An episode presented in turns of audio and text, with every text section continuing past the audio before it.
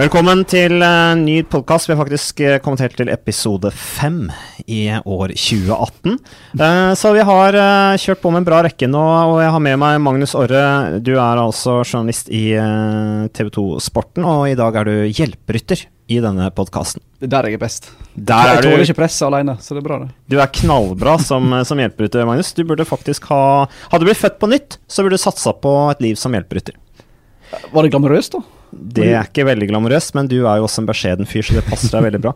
Men eh, vi skal ha noen eh, temaer i dag. Eh, først litt rann, nyheter. Eh, Magnus Aare. Eh, overgangsmarkedet er allerede Det er, det er brennhett. Eh, masse spekulasjoner. hva er det vi har som er spennende, mener du? Formelt har vi ingenting. For sykkeltransfermarkedet åpner 1.8, men alle vet at det har begynt for lenge siden, så flere ryttere har signert kontrakter. Det det blir sagt, er største navnene. Richie Port klar for å trekke seg av fredag, blir det sagt. Rowan Dennis skal være klar for Bahrain Merida. Phil Bauhaus skal være klar for Bahrain Merida. Og kanskje Greg van Avermat. Og Wout van Ert. Og Wout van Ert, kanskje. Caleb Ewan skal være klar for Lotto Sudal. For de som ikke er inne i sykkelsporten, er dette litt forvirrende, fordi det blir ikke offisielt altså før 1.8. Men det er en uh, veldig dårlig bevart hemmelighet at kontraktene blir signert nå. Og enda tidligere, faktisk. Så mange har altså funnet seg nye lag, men holder det hemmelig fram til 1.8, for da har det internasjonale forbundet sin sånn offisiell åpning av uh, transfermarkedet, sånn som vi kjenner det i fotballen. Det er vel den dårligste fungerende regelen som fins uansett regler i hele verden, tror jeg. Mm. Eh, omtrent. Altså, Vi husker bl.a. fra boka til Tor Husov, hvor han jo avslørte at han omtrent hadde signert med BMC allerede i januar. Ja, Og det er strengt ulovlig. Tor Husov slapp unna. Alle andre slipper unna, fordi UCI, det forbundet, har verken, min, eller verken penger eller ressurser eller interesse av å straffe folk, men det er altså ikke lov da før 1.8. Men det blir sagt at uh, Richie Porta, størstenavnet, som skal lede BMC til Tour de France-seier, i alle fall målet i år, har da bytta lag allerede før touren har begynt. Fordi BMC da ikke får penger sannsynligvis til å holde gående neste år, så da har du plutselig 28-29 ryttere ledig på markedet. Og da kjenner du fra de tida at så får du sånn voldsom inflasjon av ryttere, som gjør det vanskeligere for resten av si, unge talenter som har lyst opp og fram og få seg kontrakt blir mye vanskeligere, fordi da plutselig får du 30 ledige ryttere som skal fordeles ut på uh, Ja, det er jo helt krise. Altså Lønningene går ned. Mm. Uh, ryttere blir desperate. Mange gode ryttere sannsynligvis som kanskje bare får seg et lag i siste liten. Det er helt krise. Uh, det gjør jo også at det blokkerer for en del nye ryttere som kunne mm. kommet inn på markedet, kanskje norske ryttere. Når de da kan i stedet velge en eller annen ledig, erfaren rytter som de vet hva de, hva, hva de får. men vi må, vi må påpeke at det er jo ikke 100 sikkert at BMC legger ned. Men de har venta såpass lenge nå, det er såpass lite nyheter. Og den der uh, fake newsen som kom om at Deloitte skulle redde BMC, virker til å være akkurat bare det. Fake news. En eller annen sitter der og ler seg i hjel. så, det så det meste tyder på at det bare var tull. Jeg vet at Mention Data gikk en vanvittig runde internt for å finne ut hvem er sagt dette her ut i, uh, i rykte, ryktebørsen. Fant ingen lekkasjer, men det må være én. Eller ser du da, Mats, bare vi journalister ikke vi, men noen andre, da, som bare har skrevet noe, og så tar verden det for god fisk. Ja, men vi går jo på da alt ja, ja, ja. det vi kan spekulere i. Sånn er jo verden. Men uh, altså, tilbake til BMC. Uh, eh, nå ryttere er på vei ut. Jeg hørte et langt intervju med, med Greg van Avmat på en podkast, uh, eh, Cycling News-podkasten, hvor han sier også at uh, det er stor sannsynlighet for at jeg blir litt annet, fordi å se en i annen drakt. Altså, det er ganske klart signal på at han er på vei ut av BMC. Også disse andre rytterne som du nevnte også, bl.a. Rowan Dennis. Men det blir jo ikke så lett for BMC nå. Hva skal de nå selge? Altså, hallo. Uh, du sitter i et møte med en sponsor. Ja, ok, hvilke ryttere har vi da? Uh, vi leser jo at uh, nesten alle, eller om det er alle de store rytterne du har i dag, som kan få resultater, at de er på vei ja, ut. For hver dag blir det verre og verre og verre. Så til slutt sitter jeg igjen med Kilian Frankini og Tom Baalley. Og ingen har lyst på det, på det laget. Det blir sagt at de kanskje skal nedjustere satsinga til et mer amerikansk enten pro Conti eller Conti-lag. Jeg har mine tvil om noen er interessert i å drive med det. Så jeg frykter at BMC faktisk er historie ganske kjapt. Og det er ganske dramatisk for sykkelsporten, for det er et vanvittig sterkt lag.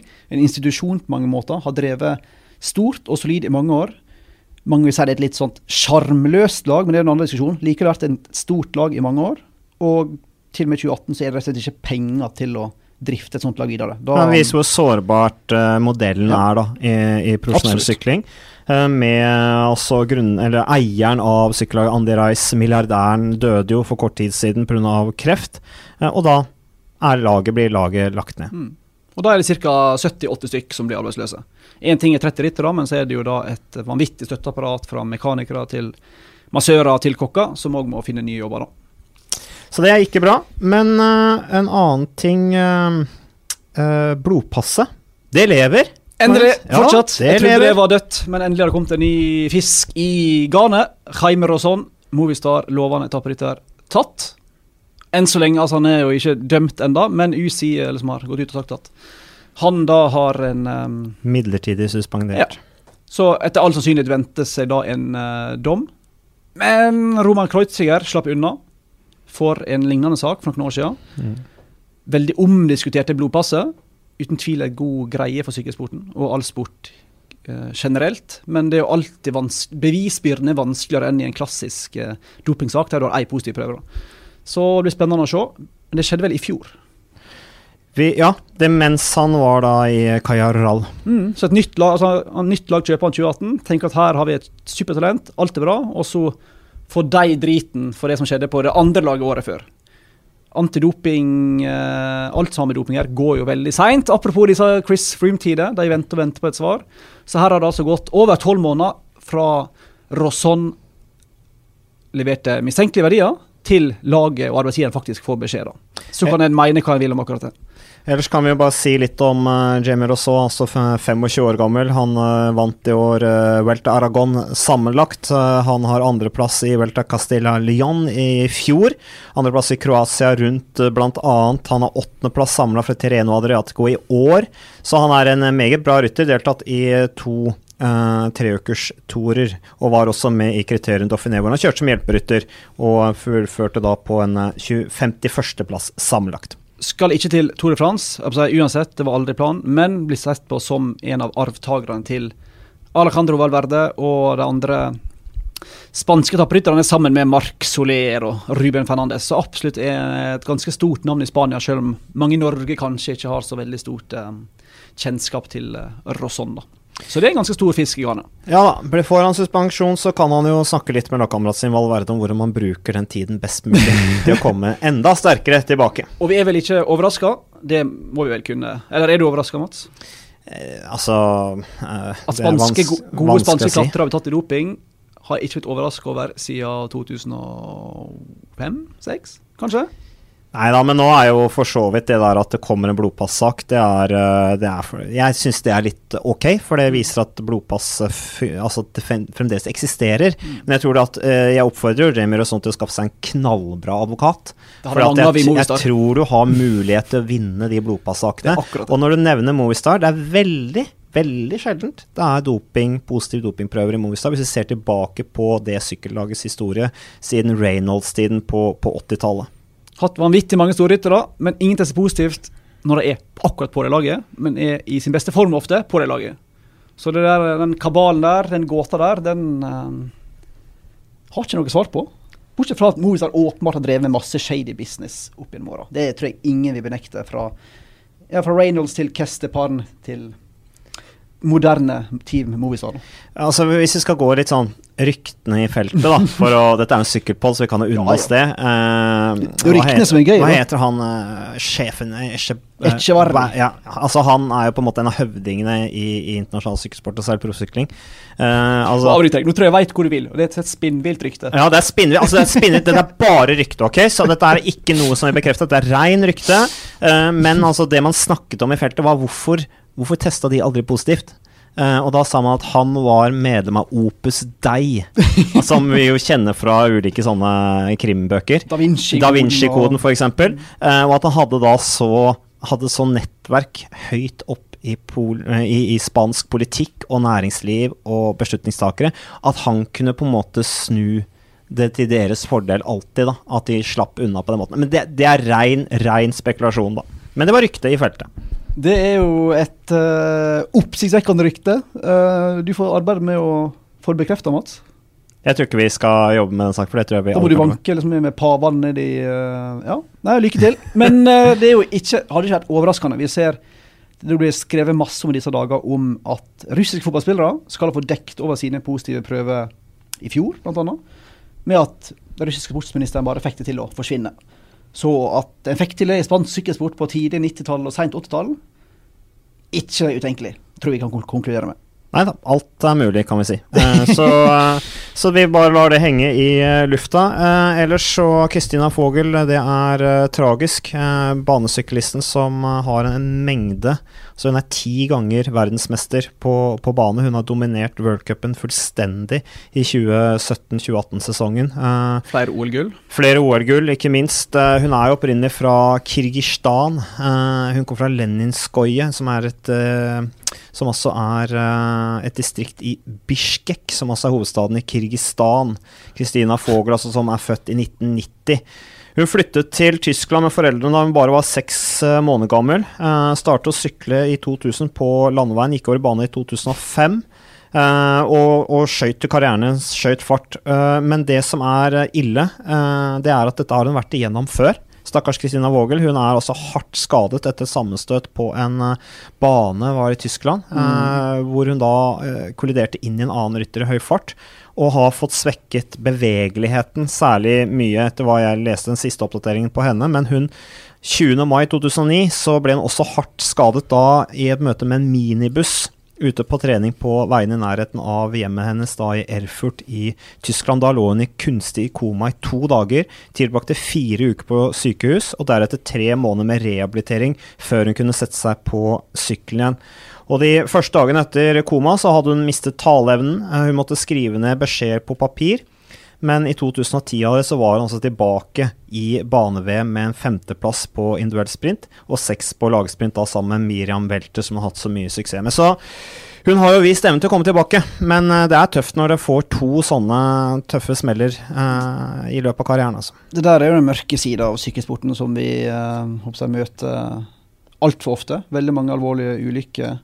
Husker hun senest fra Rio 2016-OL det husker sikkert en del som så på TV 2 år den gangen, for hun, syk, hun mista vel setet sitt i finalen. Hun sykla altså uten sete og tok likevel gull i sprinten, mener jeg. Ble jo litt sånn kulthelt da, uh, i sosiale medier og sånt. Fogel som en av de største legendene i banesykkel vi har hatt uh, noen gang, faktisk. En vanvittig liste med resultat. Enkelt og greit. Ja, og dette her vil jo også selvfølgelig være ødeleggende for henne med tanke på satsingen mot uh, Tokyo. Så uh, vi ønsker henne all, uh, all, god bedring og håper hun kommer sterkt tilbake. litt skifting av, av tema, Magnus. NM. vi får ta, litt, ta, en liten gjennomgang av det. Damene først. hva syns du om rittet? Helt ærlig syns jeg det var litt kjedelig. Fordi når du har ett lag, altså i dette tilfellet Team Hightech, som er så mye bedre enn resten, både i, i, i, kvalitet og kvantitet, det er jo veldig mange ryttere, så blir det fort litt låste sykkelritt. Det var litt spennende en stund når du hadde Katrine Aalerud, som var veldig imponerende, må jeg si. Rett mm. tilbake fra skade og vanvittig blodtap og operasjoner. og Tilbake på sykkelen, lå sammen med Hvite Heine lenge der. Da var det spennende. Men du så jo det var markant forskjell når vi tegnene gikk til, så var jo ikke Katrine i nærheten. Som ikke er så overraskende når du ikke har sykla noe særlig de siste månedene. Så ble det sikkert veldig tidlig avgjort, egentlig. Vi tar Heine hadde full kontroll. Så jeg uh, må si jeg syns det var litt uh, kjedelig. Jeg håpet at den Virtu-duoen med Ålerud og Emilie Moberg på en eller annen måte kunne skapt litt trøbbel, men det var egentlig aldri i nærheten. Nei, jeg syns jo Hovde nok uh, var imponerende. Uh, hun var offensiv som bare, sterk. Uh, var vel et av de første landeveisrittene hun syklet denne sesongen, så hun viser jo kjempepotensial. Ellers er jeg helt enig med deg at det ble på en måte fullstendig punktert på slutten. Det var en periode hvor, rett etter at Vita Heine hadde gått løs og var i solo, at når det var sånn rundt 30 sekunder, så begynte faktisk uh, high-tech-jentene å mm. kjøre litt. Og jeg tenkte at dette, her, litt, men... dette er kult. Kanskje de klarer å på en måte at de sier ok, vi gir en 30 30 sekunder, og så bare lar vi henne ligge der, og så, og så angriper vi og er offensive. Kanskje kjører seg opp til Vita og sånn. Men så ble det liksom veldig lang avstand. Punkterte, de satt og pratet sammen. Uh, og jeg hadde kanskje få litt lyst til å utfordre Hightech på at når det er liksom ett og et halvt, to minutter, så start et nytt sykkelløp, liksom. Uh, det, ja, det er ja. fullt mulig. Altså Om hun Vita hadde begynt med 20 sekunder eller to minutter, spiller egentlig ingen rolle, for det rittet var avgjort. Så jeg skjønner hvor du vil. Men litt sånn det er ikke så enkelt å ligge bak og skulle jak opp seg, ta opp jakta på en egen lagvenninne. Da. da blir du litt sånn Iallfall vi i media skriver jo, er jo raske da med å, liksom, å snakke om at en Kritisere high-tech. Ja, kritisere for å jakte ned sin egen. Så jeg skjønner at du da bare eh, prioriterer gullet først, og så får heller sykkelrittet bli litt kjedelig, da. Men jeg syns det var gøy med Vita Heine. Uh, gøy at hun uh, vant dette NM-gullet for tredje år på, på rad. Imponerende. Og, og hun viser uh, klasse. så, så En etterlengta opptur. En I en meget tung sesong, får vi være såpass ærlig å si. da. har vært Litt sånn eksperimentering med høydetrening som kanskje ikke har gått helt veien. Litt sviktende resultat. Skuffende tempo, eh, men slo veldig tilbake og så eh, eksplosiv og, og, sprek ut. Så det kan love godt for det som kommer senere i sesongen. Vi unna Vita henne den seieren, så gratulerer henne med det. Herrene, eh, hva syns du om rittet der? Verdig vinner, artig vinner. Vi snakka så vidt om at det er gøy å Stake vant eh, i den podkasten vi hadde før NM. Jeg sa jo til og med at han sniker seg løs ut, og så vinner han hele greia. Du sa det. Du er en klok mann. Jeg syns det var Det var en del andre jeg sa kom til å vinne òg, men det, det også. Ja, vi var innom en del folk der. Men jeg syns det var gøy og fortjent. Han er en sykkelrytter som ikke får den kreden han fortjener. Han har en høyere standing, vil jeg påstå, ute i det internasjonale sykkelfeltet og sykkelmedia enn han har i Norge bunnsolid. Uh, var nær på i Volta Catalonia, et stort etapperitt tidligere i år. Ble nummer to på en etappe der. Så gøy at han får muligheten til å sykle norske mesterskapstrøya og endelig få litt mer oppmerksomhet på linje med våre andre og enda større profiler, syns jeg. Og det verste tror jeg er at jeg tror ikke Vegard Stakelang er i sånn kjempeform. Jeg tror, han er, jeg tror han er litt sliten. ikke sant? Han har vært igjennom et voldsomt kjør, eh, og sannsynligvis på vei nedover. Nå er han vel i, i Dubai eller et På ferie? Ja, og mm. bare koser seg på første klasse på noen sponsoroppdrag. Og kommer hjem og skal helt sikkert ha en ferie og slappe av og bygge form til Spania rundt da, hvor vi kan glede oss over å se den norske mesterskapstrøya. Så, men eh, noen som imponerte deg for øvrig i, i, uh, i NM? Ja, jeg må si Rasmus Fossum Tiller. Ja, han var sterk. Det, det, det, jaggu det er ikke verst å følge opp et gull, et overraskende gull i fjor, med en andreplass i år. All honnør, det var bra. Veldig gledelig at Kristian uh, Aasvold fortsatt viser den tendensen tidligere sesongen fortsetter. Vi har venta på han noen år. De bombarderte feltet på angrep, da. Ja, det gjorde det. Og UAE, da. Det var en allianse der. Og vi venta litt på at Aasvold skulle liksom slå ut i full blomst. Jeg snakker om han som en sånn Eh, potensiell veldig god klatrer for noen år siden. Så ble det litt stille, og så har han slått tilbake i år i Team Coop. Veldig gøy at han får en medalje. Så det rittet var betydelig gøyere enn det første, syns jeg. Ja, jeg var enig. Jeg syns det var et kjempebra ritt. Mm. Uh, og jeg syns også Joker uh, kjørte veldig bra, sterkt som lag. De skal ha masse honnør for at de gidder å sette farge på alle disse sykler. Ja, og ofra seg for hverandre. Mm. Eh, og så var det vel Tiller som vel, så vidt jeg har hørt fra mine kilder, hadde fått én beskjed, og det var å holde hjulet til Vegard Sakerhagen. Eh, så der bomma de jo, da. eh, men, men, jeg syns Jeg tør å påstå at uh, Tiller var den sterkeste rytteren den dagen. og det var Ja, han, han, så bare ekstremt sterk ut, så at han Han ble nummer to, og det var i hvert fall en verdig nummer to. Men uh, vi kan uh, høre på Jeg har vært og snakket med Gabriel Rask, sportsdirektør i Team Sky. Uh, han møtte jeg altså hjemme hos seg i Hole kommune, i Nedre Steinsåsen. og vi kan høre hva han sier. Vi snakket bl.a. om NM og Kristoffer Halvorsen. Vi snakket om Tour de France, laguttaket. Uh, vi har interessant prat om, der, om bl.a. Uh, Bernal, uh, colombianeren, Sivakov, russiske førsteårsproffen, og Froome, forventninger til laget og konkurrenten. Vi snakker også om dette med norsk fremtidig profflag. Og en link han har da eventuelt til en oppstart i regi av Birger Hungerlopp, altså eieren av Joker i Kupalma. Han sier noe oppsiktsvekkende der om Chris Froome og sesongoppkjøringen. Hør på dette.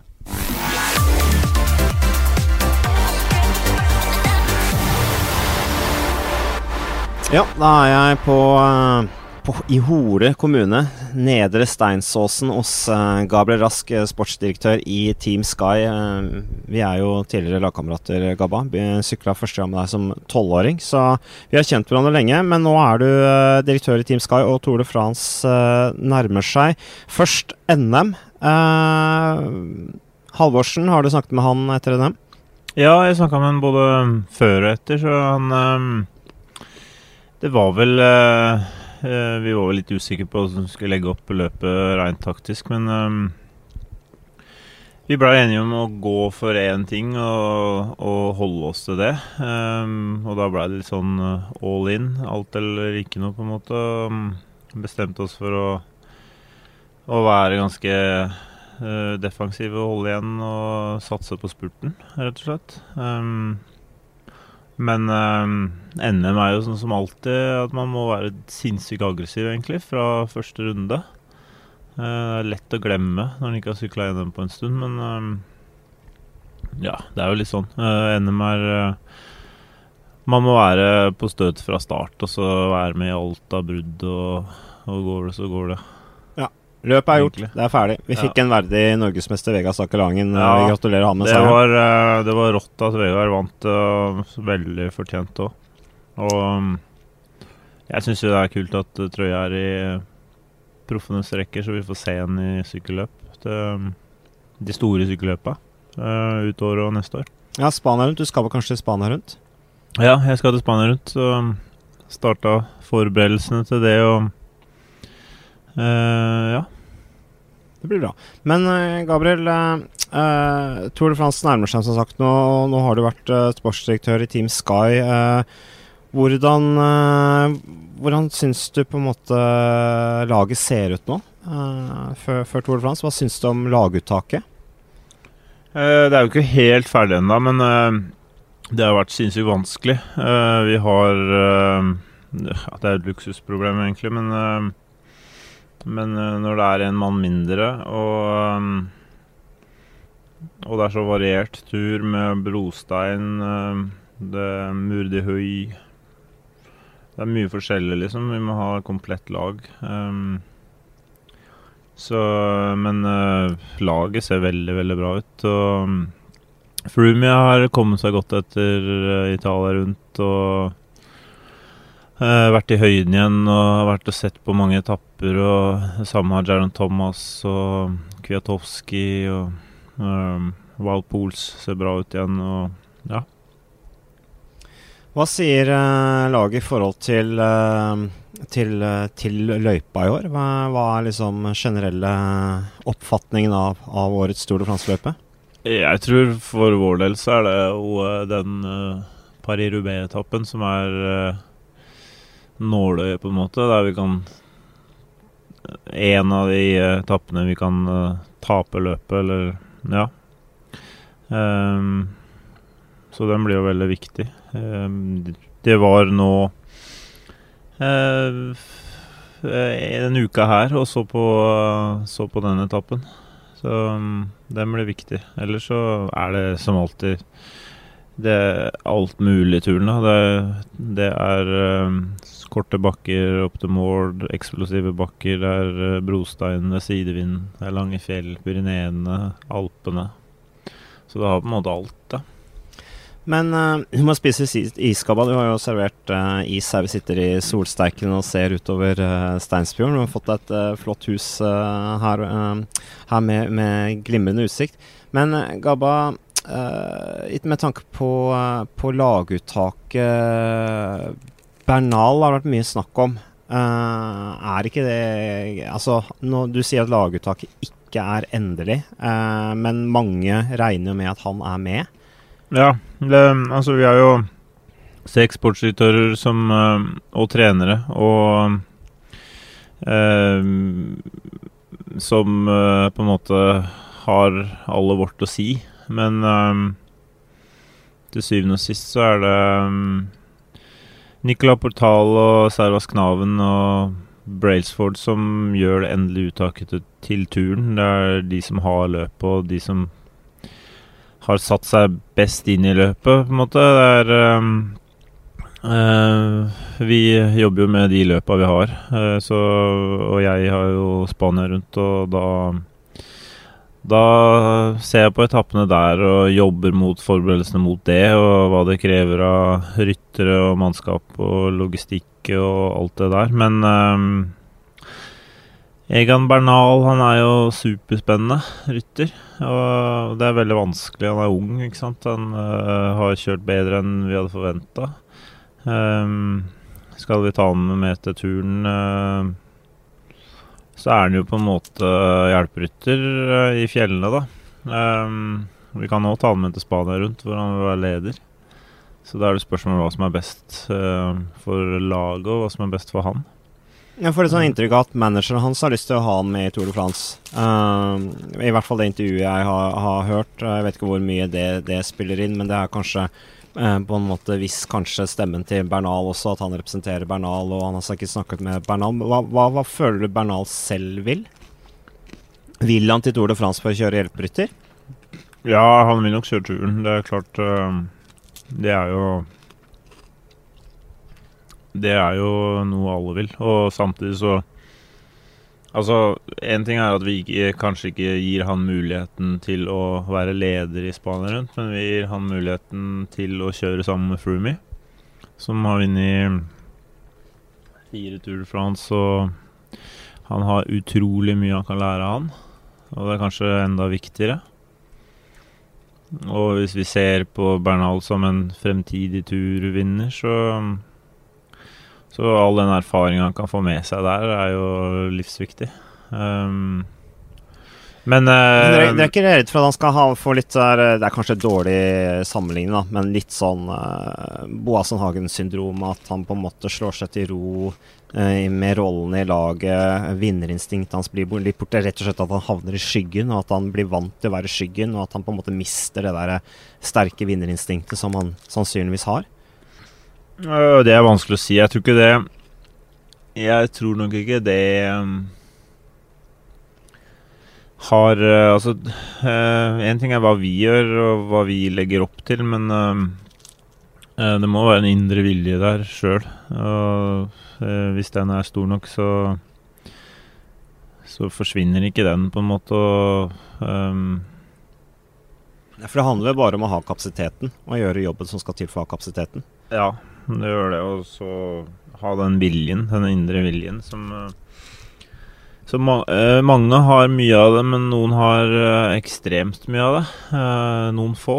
Så, og han Han er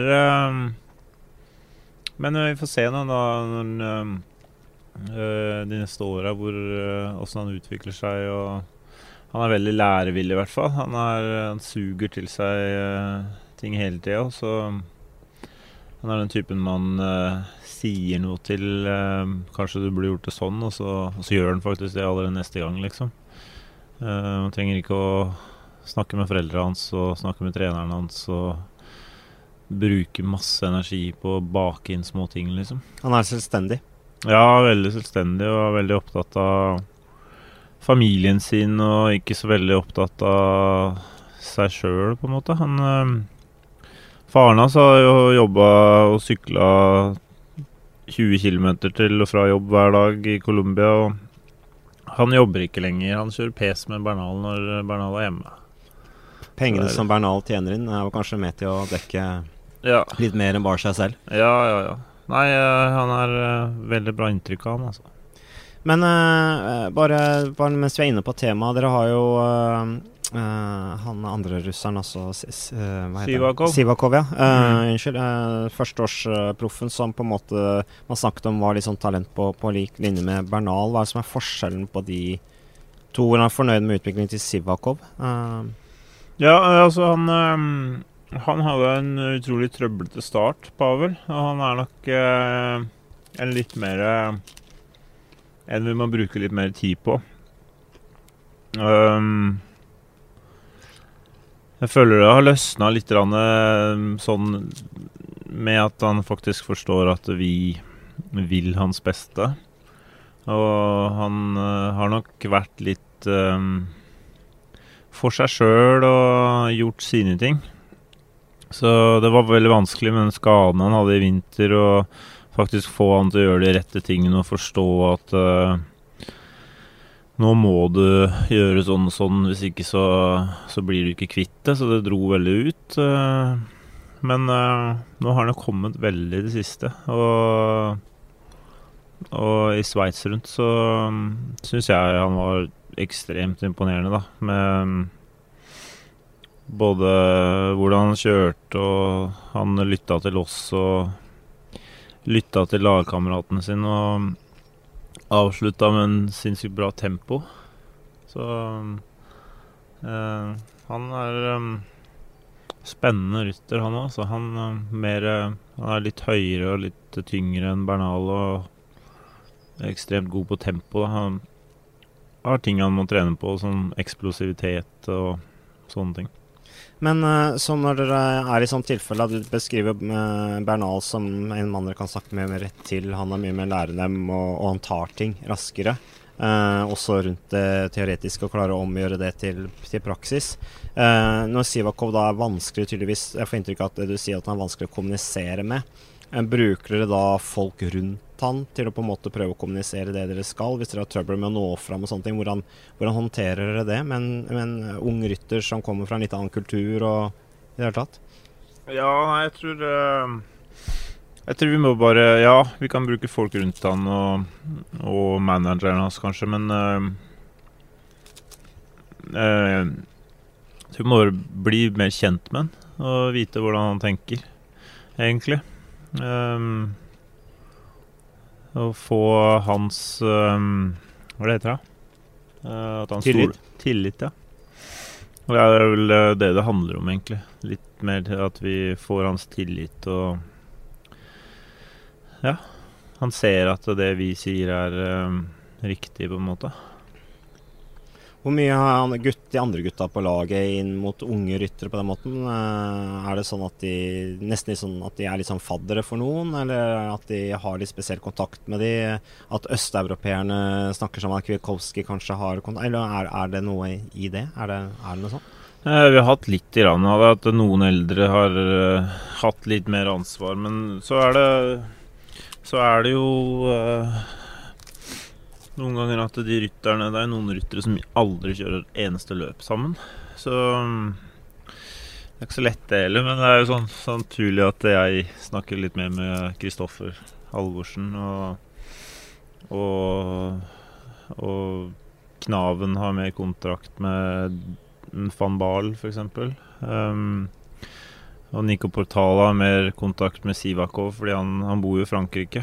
Um, faren hans var jo proff i Big Mat, så han bor i Frankrike. Um, litt sånn vi Og så må vi bli kjent med dem og vite hva, hva de trenger, egentlig. Skal Sivakov til uh, Spania rundt? Han er i bruttotroppen til Spania rundt, så vidt jeg veit. Men um, jeg tror det blir veldig vanskelig. Vi har uh, eh, 16 navn på Spania rundt. Åtte som skal kjøres. Ja, det er tøffe uttak, skjønner jeg. Men, ja. uh, men uh, tilbake til Tour de France. Altså, man snakker mye om Movistar Melanda, Valverde, Quintana og i det hele tatt. Det mannskapet deres er jo egentlig helt rått. Uh, men dere har jo litt av et mannskap, dere òg. Altså, hvordan kan dere f.eks. bruke Pools, Thomas uh, uh, Bernal, da. Uh, jeg vet ikke hvor bekrefta det er at han skal være med, eller Nei, ja det er uh, ikke avgjort 100% ennå, men uh, det er jo sannsynlig at han skal kjøre turen, ja. Bernal. For da har dere jo på en måte et lag som dere også kan bruke offensivt. Hva, hva, tenker du om laget til Movistar? Nei, jeg tenker utfordringen deres blir jo samarbeidet, egentlig. Quintana Landa. Landa er ikke så veldig lett å samarbeide med, så jeg tror og så må vi se åssen det utvikler seg etter, hvert, da, med om de fortsatt er uh, oppe i sammendraget alle sammen, eller om de ikke er det. Og så uh, Så må vi bruke forsen vår med Froome, da, at han er uh, hakket bedre enn dem. Men det ser jo bra ut med Garen Thomas fra Dauphiné og i det hele tatt så ser det bra ut. Hvem, hvem er dere anser som Hvem tenker du er de sterkeste eh, motstanderne i, i, Tour de France. Hvem er dine favoritter utenom Froome? Eh, Quintana Landa, eh, og så har du Dumoulin. Um, det er vel de, uh, liksom de tre aller største. Og så um, har du Bardet, da, og, og de gutta der. Uh, det er lite, uh, lite skritt ned, føler jeg, til de. Men um, Nibali? Nibali eh, kan bli veldig skummel. hvis han finner formen, så blir han farlig. Ja, han, Hva vet man om Nibali? Er han i form? Er han over the top? Eller har han bare hatt en rolig inndeling med Tour de France? Kan virkelig blomstre der med tanke på de, alle de utfordringene som møter han der, bl.a. med brosteinsetappen, som jo han har hatt god erfaring med før. For så vidt Chris Room også. I forrige bro brosteinsetappen som, som, Tony Martin uh, vant, var jo også han bra der, for så vidt. Litt blandede følelser med brostein Chris Room. Ja, han sto jo av det ene året der, på Brosteinetappen. Men uh, ja, Nibali han uh, Han kjørte ikke så veldig bra i Dauphiné, men han sier jo i det intervjuet at han Det er som planlagt. Uh, jeg, tror han, han, kommer nok til å være der uansett, uh, vil jeg tro. Han er jo um, spesielt sterk den siste uka, liksom. Uh, så ja. Hva tror du om de norske i Tour de France, Gabba? Jeg håper Edvald kan vinne en tappe, da. Og så håper jeg Alex virker som han er Alex syns jeg virker som han er litt sånn kommet litt sånn i siget igjen, da. Jeg syns uh, Ok, i Sveits rundt så vant han ikke en etappe, men uh, Ja, det var uh, Den ene spurtetappen var veldig kort, og det er vel kanskje ikke det beste for han. Um, men uh, det virker som en sånn oppadgående kurve, og, og NM, så det, Av det lille jeg så, så virka det som han hadde god bein der, egentlig. Um, det blir spennende. Jeg håper de kan uh, At vi kan få en etappeseier eller to.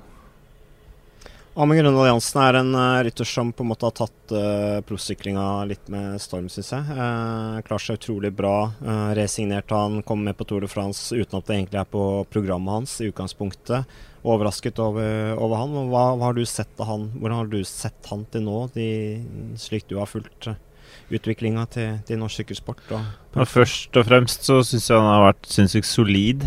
Solid uh, rytter i klassikeren i egentlig alle løpene han har kjørt, så har han gjort jobben sin, og det er ikke Man skal ikke undervurdere det i et uh, i et lag når man har sånne ryttere som uh, er gode nok til å til å sitte med eh, greit i fjellene og til å gjøre en skikkelig god jobb eh, på flatene og i klassikerne og posisjonskamper og alt det der. Så mm, og dag etter dag, og han har på en måte virker ikke som han har de der store kurvene opp og ned. Så, og så er han eh, en smart fyr òg. Så imponert over han. Men øh, når det gjelder øh planene dine fremover. Nå skal du ikke Du skal ikke til Tour de France. Uh, når får vi se deg der, forresten? Jeg, uh, skal... Er det et ønske å være der? I turen? Ja. Uh, nei, jeg prøver egentlig å styre litt unna, jeg, altså. Så um, jeg har Jeg har små barn, og så er det sommerferie, og den tida det er finest vær hjemme i Norge. Så jeg jeg har ikke rekt hånda opp for å dra dit, egentlig. Hvor mye kommer du til å følge med? Du driver og bygger hytte og båt og Ja, nei, jeg får se det. Hvis det regner, så kanskje. Nei, det er nei, jeg, jeg, jeg, jeg, får med meg eh, det som skjer, nei, men jeg sitter ikke mm, Jeg sitter ikke klistra altså Nå har jeg ikke fått sett TV noe særlig de siste Siste halvannet, to åra i det hele tatt, egentlig. Med han uh, minste på ett og et halvt år, så det tar uh, all energi og sånn, men Ja. Nei, turen Det har vært moro å, å vært med dit. Det. Men du har jo Vi vet at du har en opsjon eller en avtale med, med Birger Hungerholt tilfelle Joker oppgraderes til et Pro Continental-lag. Uh, hva tenker du om det? Hvor, hvor ser du for deg i, i framtida? Hva, hva, hva, hva, ønsker du på en måte videre i utviklingen av, av den posisjonen du, du har nå, da, med det utgangspunktet i at du, du, jobber for verdens beste, beste profflag? Er, er, det et ønske for deg å eventuelt komme hjem til Norge og jobbe her med norsk sykkelsport? Ja, det er jo på en måte Der jeg er nå, så er det ikke noe Det er vanskelig å komme noe videre opp i hierarkiet, på en måte, der. Uh, da blir det sportsdirektør uh, sånn som jeg er nå. Uh, og så syns jeg det er utrolig spennende med et Eller det hadde vært utrolig spennende med en norsk pro-content-lag, og jeg syns sårt at vi sårt trenger det i Norge. Nå er det um, såpass mange ryttere som kunne kjørt på et pro-kontinenterlag og kunne kjørt um, Kunne kjørt så å si alle løp i verden, egentlig. Så Og det har vært moro å vært med på den på starten av det. Eh, absolutt. Så hvis eh, Birger får til det, og Interspons får til det, så, så har jeg lyst til å være med på det, egentlig. Jeg har det. Og kanskje være litt mer hjemme og styre litt mer. Men hva skal til da for å komme dit? Du, det, det, det, er jo altså, det, er jo bare penga. Uh, men altså, vi har jo nå Uno X som kanskje har pengene til det allerede, men de holder litt igjen i forhold til rytterstall og sånne ting. Er løsninga en sammenslåing? Ja, det kunne vært noe, det. Eh, klart. En sammenslåing av de to lagene kunne vært en idé, eller um, Ja, Uno X, de, de um, sponser jo Sykkel-Norge med nok til å kunne starte et pro contender-lag, men um, de velger heller å støtte bredden, på en måte. Og det, det kan godt hende at det er det smarteste og beste for norsk sykkelsport. Så, men, men, uh, det fins jo sponsor i Norge som kunne Som kunne lett vært med på en sånn satsing. Det hadde nok vært snakk om en rundt 40 millioner kroner i året, vil jeg tro. Det er ikke lommerusk heller. Men Vi skal snart uh, avslutte før uh, sønnen din Christian uh, sovner. Han ligger inne i garasjen i barnevogn og, og, og sover. Men, men når det gjelder da Nå er det Polen rundt du skal ha, og så er det Spania rundt. Så på en måte alt blir nå på en måte litt sånn oppkjøring til, til, til, til Spania rundt. tror du Da regner jeg med at vi ikke ser Chris Froome. da tror jeg han har gjort sitt i og med at han har vunnet Italia rundt. hvis han har suksess i Tour de France, vinner det også, så regner jeg med at han er relativt mett. Og nå er det bare å få blir ferdig med den der saken han har hengende over seg også. Men, men uten han, hvem blir, eh, kan dere vinne Spania rundt allikevel? Ja, altså Jeg er rimelig sikker på at han kommer til å kjøre Spania rundt. Oh, ja. Fordi um, eh, vi snakka om det i vinter, at han eh, hadde lyst til å kjøre det hvis eh, det gikk bra i turen. For å gjøre noe i Spania rundt. Eh, hvis det går dårlig i turen, så vil han kjøre Spania rundt. Eh, hvis det går bra i turen, så vil han kjøre Spania rundt.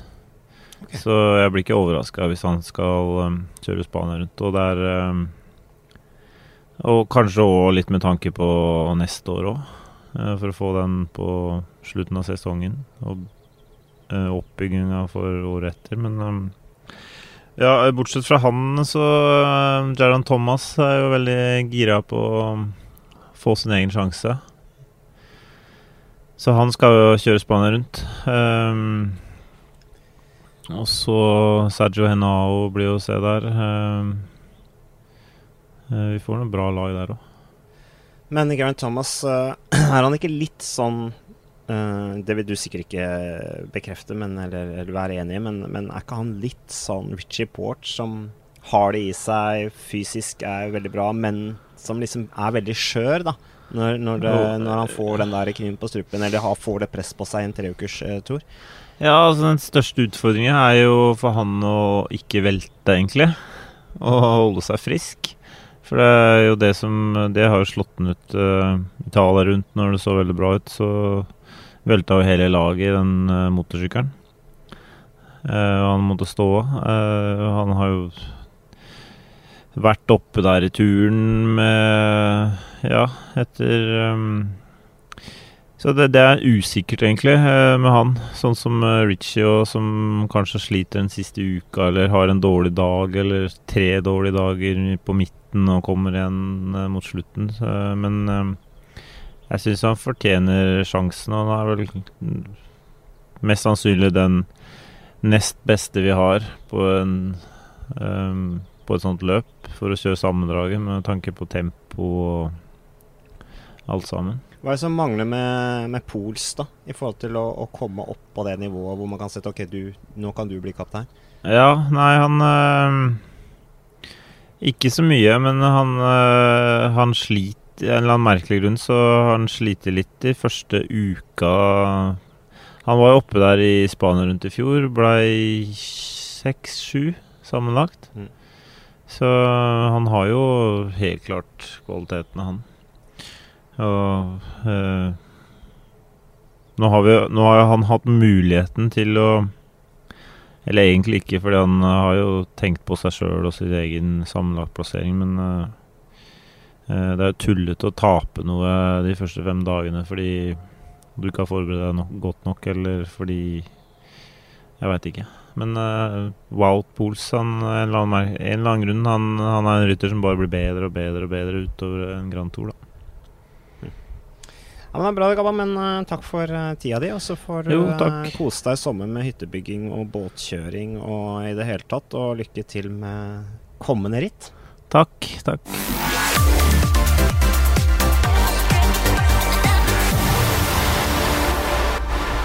Ja, Magnus, det er jo litt oppsiktsvekkende her at uh, Gabriel Rask sier at uh, Chris Froome også skal starte i Spania rundt, og at det har vært planen helt siden i vinter, når de la opp sesongplanen hans. Helt vilt, spør du meg.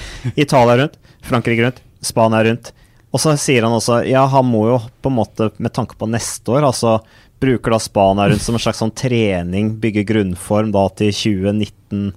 Det er jo ganske vilt. La meg først bare skyte inn. Altså, jeg digger Gabriel Rask, fordi han er, han er så rolig og han virker, han virker sånn helt uskyldig. Og det er han sikkert òg sånn. Han kan liksom ikke gjøre ei flue for tred. Men så bare slenger han ut sånn her breaking news. Det, det har jo ingen hørt om før Gabba bare sier det på denne podkasten. Altså Hvis Chris Froome skal sykle sin, gå for en kvintuppel Helt aldri skjedd i sykkelsporten før. Altså han, han, har vunnet de tre siste Grand Tourene. Det har skjedd to ganger tidligere. Eddie Merx og Bernard Hinault. For over 30 år siden. En helt annen verden. da. At Chris Froome har klart det er i seg sjøl sjukt. Da gikk jo Spania rundt på en annen tid på ja, året da gikk det i april. Hvis han har vunnet Tour de France, som han fort gjør nå i sommer, da har han fire på rad. Det er bare Eddie Merck som har gjort i 72 og 73. Hvis han da skal ta en femte på rad, da vil han skrive sykkelhistorie som vil være helt umulig å slå i all overskuelig framtid. Det vil være helt sjukt. Men Gabba Rask serverer på sølvfatet, holdt på å si. Ja, det, det hadde vært breaking news, altså. Ja, og det hadde vært uh, utrolig interessant å se hvor god han er i sin femte strake Grand Tour, tredje på et år. Hvis det òg går, da um, er det ingen grenser for hva den mannen kan gjøre. Nei, men det er jo noe med å få maks ut av karrieren sin, kanskje. Uh, han er på toppen, uh, rent fysisk kanskje, og mentalt, og nå er det bare å tyne ut det siste lille. Han, nå er han der hvor han på en måte tjener mest penger. Uh, han, han, hanker inn toppresultater, og så er det på en måte Han er en rytter som bare kjører etappritt, det er det han gjør. og hva skal han gjøre på høsten, liksom, hvis ikke han kan kjøre etappritt? Kjede seg? VM håper vi ser Chris Froome. Fantastisk løype. Hans sannsynligvis eneste mulighet til å vinne en fellesstart-VM-tittel i sin karriere. Håper han dukker opp der. Det gjør han sikkert etter Vueltaen.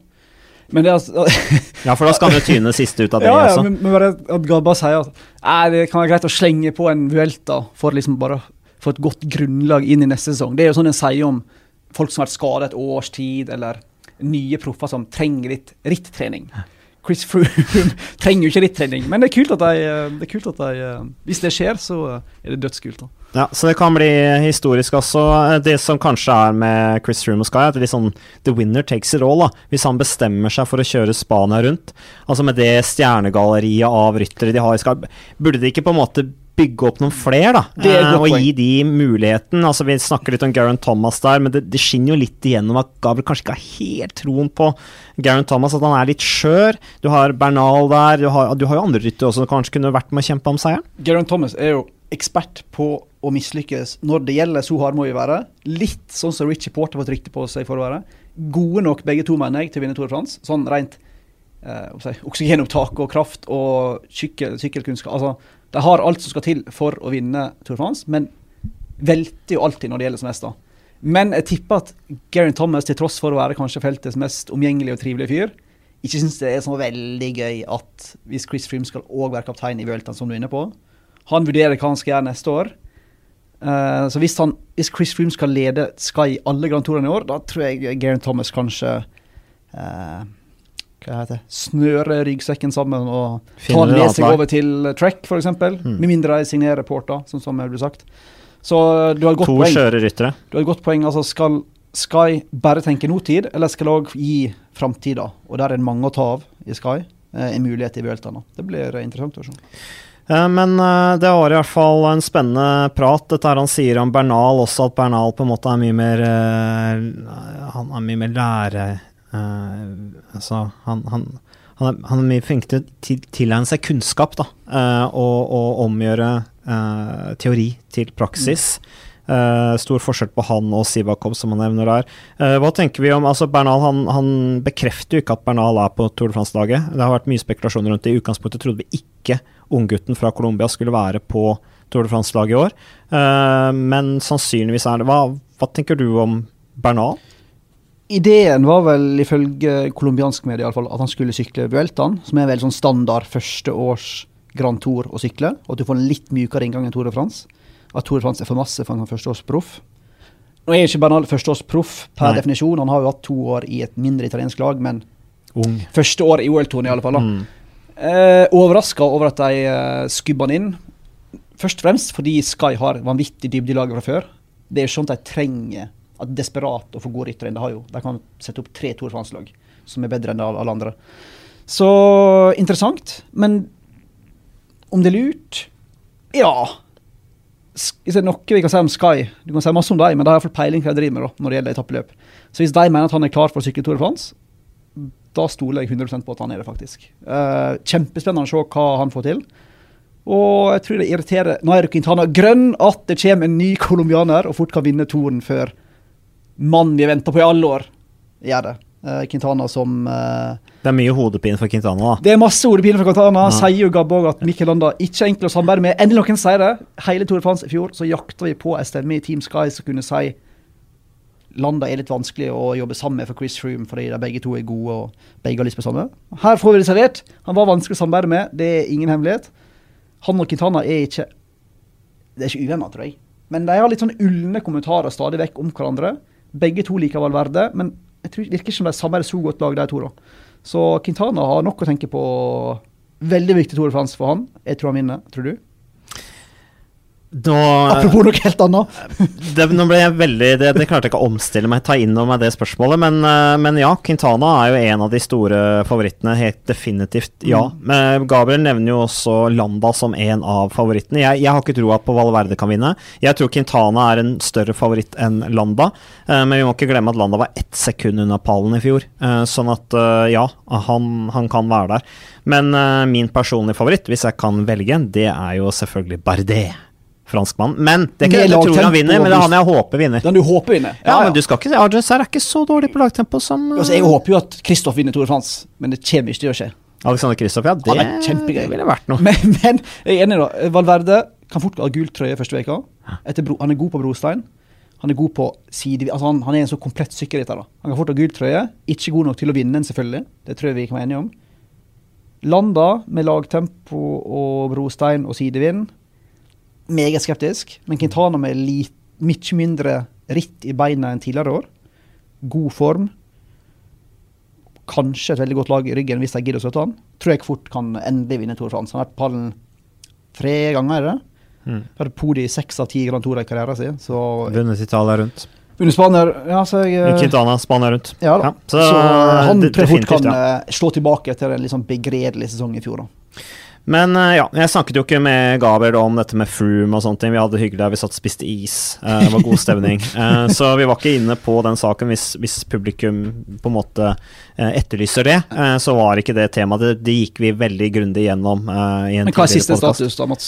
Som, Nei, Siste status er at vi, vi, vet ikke. Altså, Vi er ikke kommet noe lenger i den saken der, annet enn at Bernardino hisser opp uh, stevningen i Frankrike. Cyril Guimard, også den tidligere legendariske sportsdirektøren i uh, i, uh, i, Hva het dette laget igjen? Um, Gimar var jo blant annet i Chitane. Chitane, Castorama uh, til Tour France-seier. Ja, Fignon, ikke sant, blant annet. Uh, som hisser opp uh, publikum i, i, Frankrike rundt deltakelse til Chris Froome. Men vi kan nevne, vi møtte jo på mandag da var jeg på en sånn antidopingkonferanse på Grand Hotel. Der dukka en fyr som var, ser veldig anonym ut, og som ikke så veldig mange legger merke til. Han dukka opp der, han heter Ulrich Haas. Han er den da som er Det blir rykta at han da er lederen for Sagt enkelt, da. Han som bestemmer hva som skjer i Froome sak. At han sitter på det der såkalte Anti-Doping Tribunal, altså UCI sitt, og skal bestemme utfallet. Prøvde å få ham på et intervju. Han sa, han takka høflig nei, sa jeg kan ikke uttale meg. Bekrefta at det er han som sitter med makta, og sa at jeg kan ikke si mer, det har allerede blitt sagt mer enn nok i den saken. Og tenker da selvfølgelig både på at Sky må ut og svare på Inova sine provokasjoner, at UCI-president Lapartien bare Tilsynelatende slenger ut kommentarer uten egentlig å tenke på Men det skulle jo ikke vært sagt om den saken i det hele tatt, fordi at etter reglene skulle jo den vært hemmelig. Eksakt. Jeg stusser jo veldig på at UCI-presidenten syns det er greit å bare gå og dele sine meninger om den saken i til hver og en som måtte lure på det. Nei, Men, det er blitt en sørpe. Fullstendig kaos. Mm. Men vi kan ikke bebreide Froome for det. Vi kan bebreide Froome for å ha tatt masse astmamedisin. Mm. Men saksbehandlinga her vanskelig, Her må vi på en måte peke fingeren på den som fortjener å få en peker på seg. Vi kan ikke bare slenge rundt og si at nei, Sky og Froome og antidoping og alt er drit. Her er det saksgangen som er problematikken, ikke nødvendigvis at uh, Hvordan skal vi si dette på en sånn forståelig måte? da?